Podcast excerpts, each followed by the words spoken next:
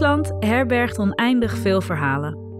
Over het water, geloof en spiritualiteit, de activistische aard van de Fries en de verschillende ambachten die deze provincie rijk is. En wat is nou eigenlijk die Friese identiteit? En hoe kunnen we al die verhalen bewaren? Lene Fries vertelt de verhalen van Friese inwoners. Met portretten, artikelen, mini-documentaires en deze podcast. Uiteindelijk vormen deze reportages samen een digitale collectie. Zo blijven de verhalen die nu worden verteld voor altijd bewaard. In deze aflevering hoor je het verhaal van Lydia.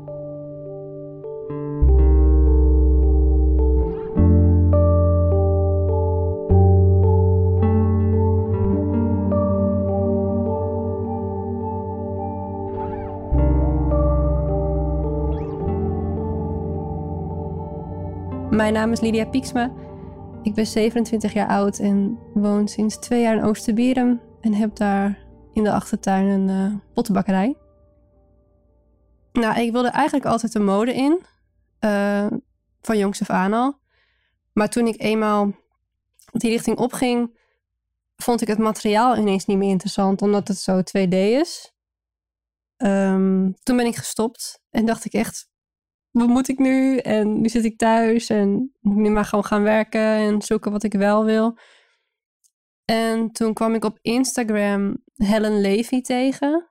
En zij werkte met klei, maar op een hele nieuwe manier. Een hele, nou, eigen, nou, deze tijd, zeg maar. En toen dacht ik, oh, dat is vet. Dat je van een ouderwets beroep, uh, dat je daar helemaal een nieuw leven in blaast. Dus ik ging op zoek naar een opleiding, want ik wilde echt een opleiding erin volgen, geen cursus of zo. En toen kwam ik in Friesland terecht. Toen heb ik me maar gewoon ingeschreven, zonder dat ik eigenlijk enig idee had of het wel iets voor mij was. Maar het moment dat ik verhuisd was en volgens mij op de eerste dag ging wel iets met klei doen, toen dacht ik al van, oh, dit, dit is echt de juiste keuze geweest. Want ik heb eigenlijk daarvoor nooit klei aangeraakt, zelfs niet met een kinderfeestje of zo. Maar ik had ik moet dit gewoon doen. Ik moet die stap maken. Ik ben toen van Amsterdam naar uh, Leeuwarden verhuisd. En nou, nog geen moment spijt van gehad.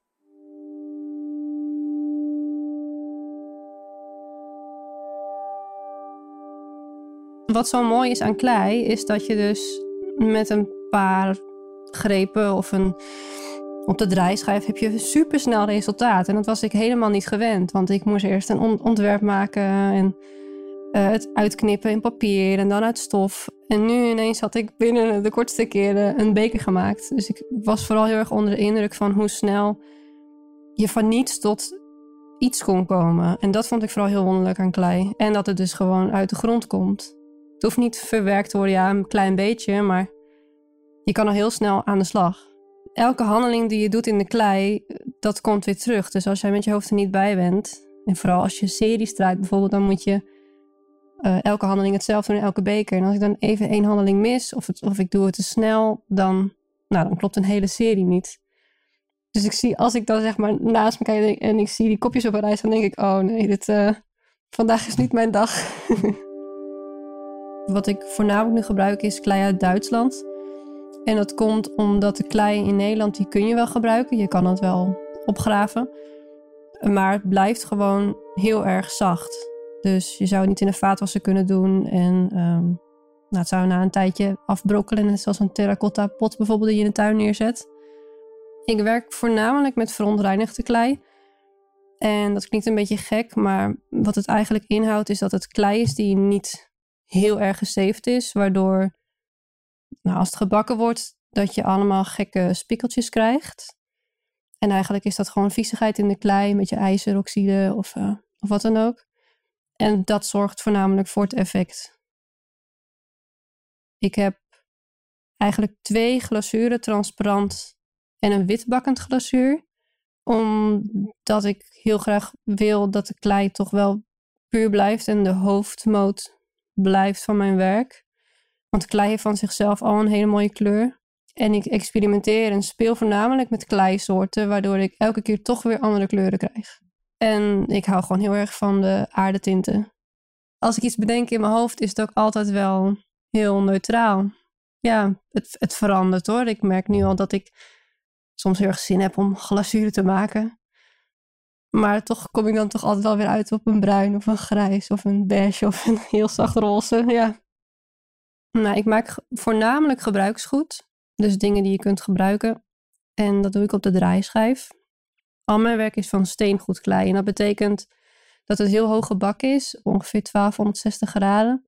Dus het kan ook in de vaatwasser. Want ik vind het vooral belangrijk dat je mijn werk echt kan gebruiken. Dat het voor dagelijks gebruik is. En sinds kort uh, ben ik ook begonnen met wat meer objecten en dat soort dingen. Maar ik begon voornamelijk met gebruiksgoed.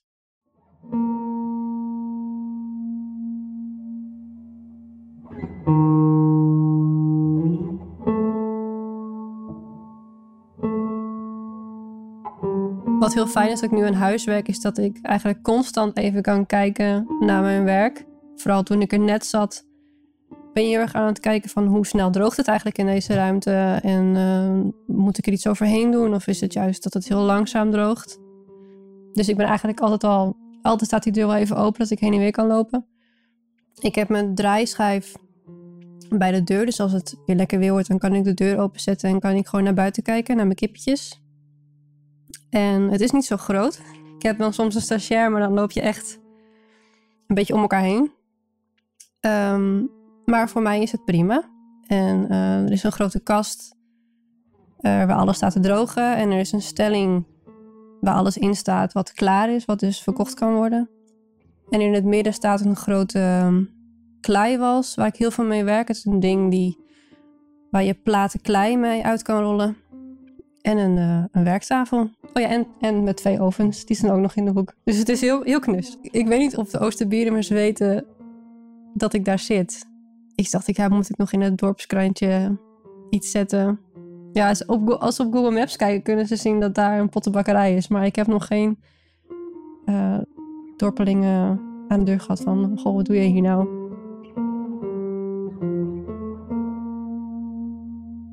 Ik, zit nu in, ik werk nu een jaar in Oosterbieren. En daarvoor heb ik in Leeuwarden gewerkt.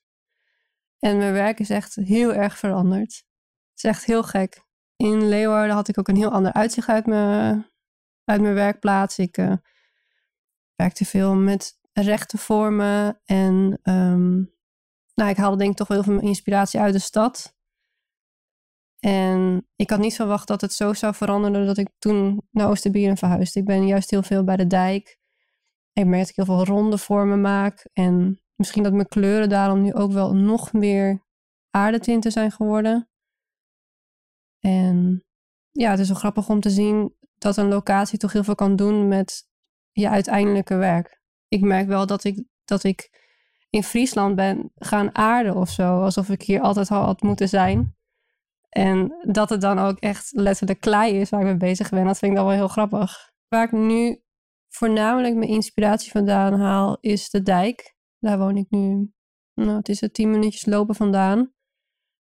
En toen we het huis kochten, toen uh, had ik er helemaal niet bij stilgestaan van, oh ja, die dijk. maar het is echt een ontzettend mooie plek waar ik super blij mee ben. Um, nou, het is toch wel uniek in Nederland dat je, dat je helemaal alleen kan zijn. En dat is denk ik iets wat we veel te weinig doen. En ik denk dat je dan pas ook echt um, de ruimte hebt om echt goed na te denken en echt tot dus bepaalde ontwerpen te komen. En wat mij heel erg fascineert, voornamelijk um, zijn, nou, als, de, als het water weg is, dat je allemaal ribbeltjes ziet en beestjes en dingetjes.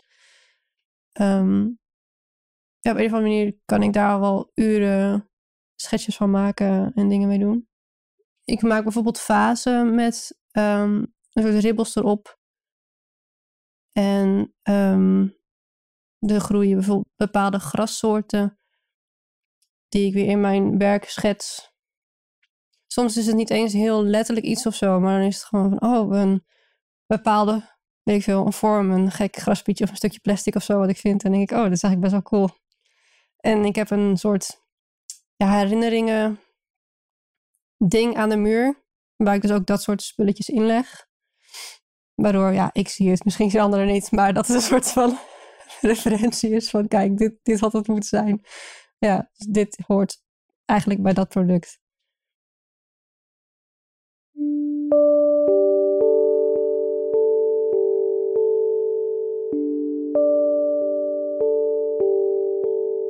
Nou, er zijn een aantal producten die gewoon heel goed lopen, maar die ik eigenlijk niet zo leuk meer vind om te maken. Maar ja, dat hoort erbij. Um, dus die doe ik het allersnelst in, in de maand, zeg maar. En gelukkig heb ik nu mijn vader die helpt. Um, dus sinds een half jaar of zo werkt hij dus mee aan de adventkandelaren. En het is echt super gezellig. ja. dat is wel grappig dat ik nu ook over hem vertel. Want eigenlijk is hij er wel elke week. Maar hij is nu een beetje achter de schermen, zeg maar. En ik heb zo van nagedacht van moet ik hem op Instagram ook gaan benoemen. Maar, um, maar het is super fijn. Mijn vader is ook super handig en die heeft echt dat, het proces van de kandelaar heeft echt vet omhoog gekrikt. Want ik deed dus bepaalde dingen die dus blijkbaar veel sneller konden. Maar dat is een soort van inkomen die altijd weer terugkomt. Aan de ene kant is dat heel fijn. Maar ik, ik, kan, ik hoop echt, dan, dan maak je iets nieuws en dan hoop je van, ik hoop dat dat aanslaat. Want dan heb ik even ehm, iets anders om te maken. Heel vaak lukt het ook wel hoor, want dan kom je bijvoorbeeld, laatst stond ik in de VT wonen met iets en dan is dat weer helemaal in. Maar dat betekent dan wel dat je dat weer heel veel moet maken. En ja, zo zit je wel een beetje te middelen van waar haal ik nog, um, waar haal ik nog die passie of zo vandaan. Maar het zijn voornamelijk nu um, theepotten en vazen. Ik vind theepotten heel leuk om te maken, omdat het een nou, best wel lang proces is van een, een deksel en een tuitje moet je draaien. En je hebt nog een handvat. Dus het is gewoon heel leuk om te doen. Maar ja, dat kost natuurlijk ook weer meer voor de klant. Maar dan maak ik er wel echt eentje van, zodat het wel een uniek stuk is wat ze kopen. Ik kan wel heel erg genieten van, uh, van mijn werk en ook wel dat als ik iets verkoop, dat ik echt soms even moet slikken. Dat ik denk, oh, ik weet nog niet of ik afscheid wil nemen van jou. Maar dan denk ik, ja, het komt vast bij een goed baasje. Soms ga ik mensen ook spioneren op Instagram om te kijken of ze wel de geschikte eigenaar zijn. Ja.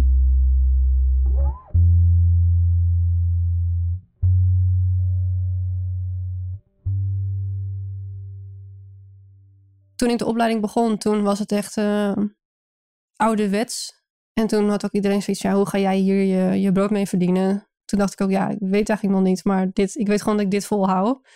En dat, dat ik dit gewoon nu af ga maken. En eigenlijk terwijl ik de opleiding aan het doen was, kwamen er steeds meer, ja, kwamen er steeds meer mensen die ook workshops gingen geven. En jongere mensen die ermee bezig gingen. Ja, ik denk toch wel dat het te maken heeft met dat iedereen graag weer met zijn handen iets wil doen. En uh, mensen gaan weer breien en weet ik veel wat allemaal. En dan hoort klei dus ook weer bij. Dus ik hoop dat dat wel weer een beetje aanhoudt. Dat het daarom ook blijft. Vroeger had je gewoon, nou in elk dorp zat er wel een pottenbakker. En dat is nu allemaal niet meer zo. En dat vind ik wel heel jammer. Tijdens mijn opleiding merkte ik dat zeg maar, de oudere garde doen heel geheimzinnig over bijvoorbeeld glazuren maken. Want het is gewoon echt een hele moeilijke taak. Maar dan wilden ze ook niet vrijgeven als het wel goed ging. Waardoor eigenlijk alle nieuwe keramisten het wiel weer opnieuw uit moesten vinden. En dat vond ik soms echt super frustrerend. Dat ik dacht, ja, straks dan, jij bent er dan gewoon niet meer. En dan neem je al je, al je kennis mee.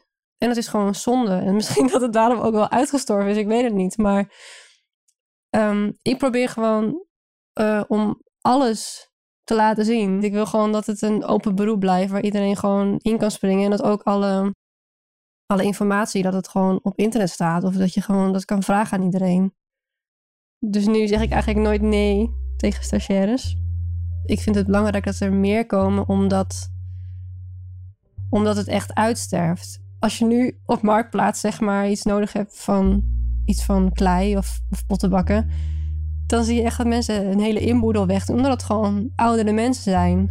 En daar komt nu gewoon niemand voor terug.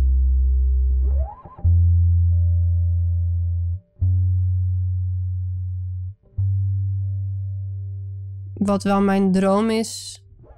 Het is een hele grote droom, dus het hoeft ook niet vandaag of morgen te gebeuren. Maar het lijkt me echt ontzettend cool om um, een grotere tuin te hebben en een grotere werkplaats, waardoor mensen um, langer kunnen, een workshop kunnen volgen dan een dag of tien keer. Maar dat ze echt bijvoorbeeld twee weken of zo bij je kunnen blijven. En echt een heel project aan kunnen gaan. Dat je dat samen uh, tot stand brengt.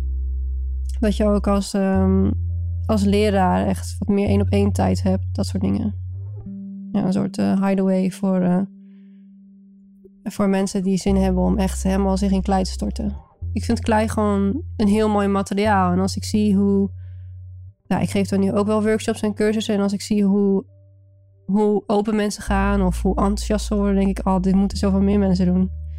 Want het is echt gewoon een, het is gewoon een heel mooi materiaal, wat ik al zei. Het is echt, um, het weerspiegelt meteen.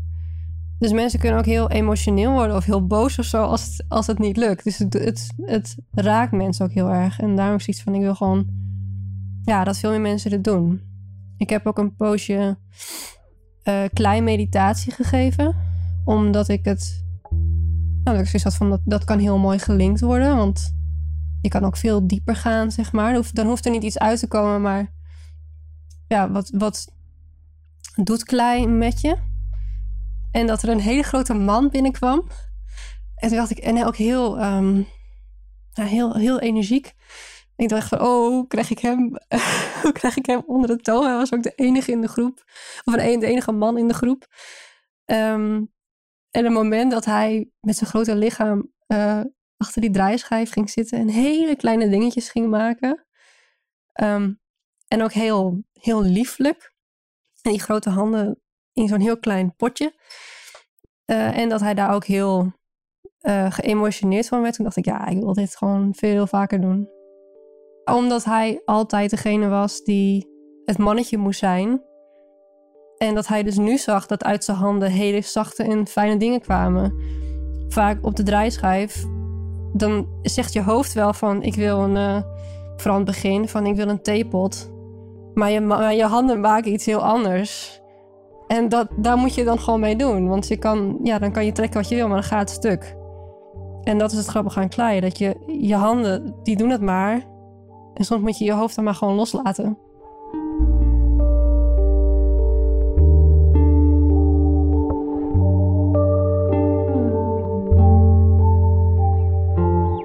Dit was het verhaal van Lydia, van de podcast Leen en Vries. Deze podcast werd gemaakt door mij, Joran de Boer en Aira Helverich, die de eindmixage deed. De muziek werd gemaakt door Esker van de Werken. Dank aan Lydia voor het vertellen van je mooie verhaal. En dank aan jou, luisteraar, voor het luisteren. Vond je deze aflevering mooi? Deel hem dan vooral met anderen. En als je dan toch bezig bent, laat dan ook vooral een review achter. Op die manier kunnen andere mensen deze podcast makkelijker vinden. Meer informatie over Lene Vries vind je via de link in de show notes. Graag tot de volgende aflevering.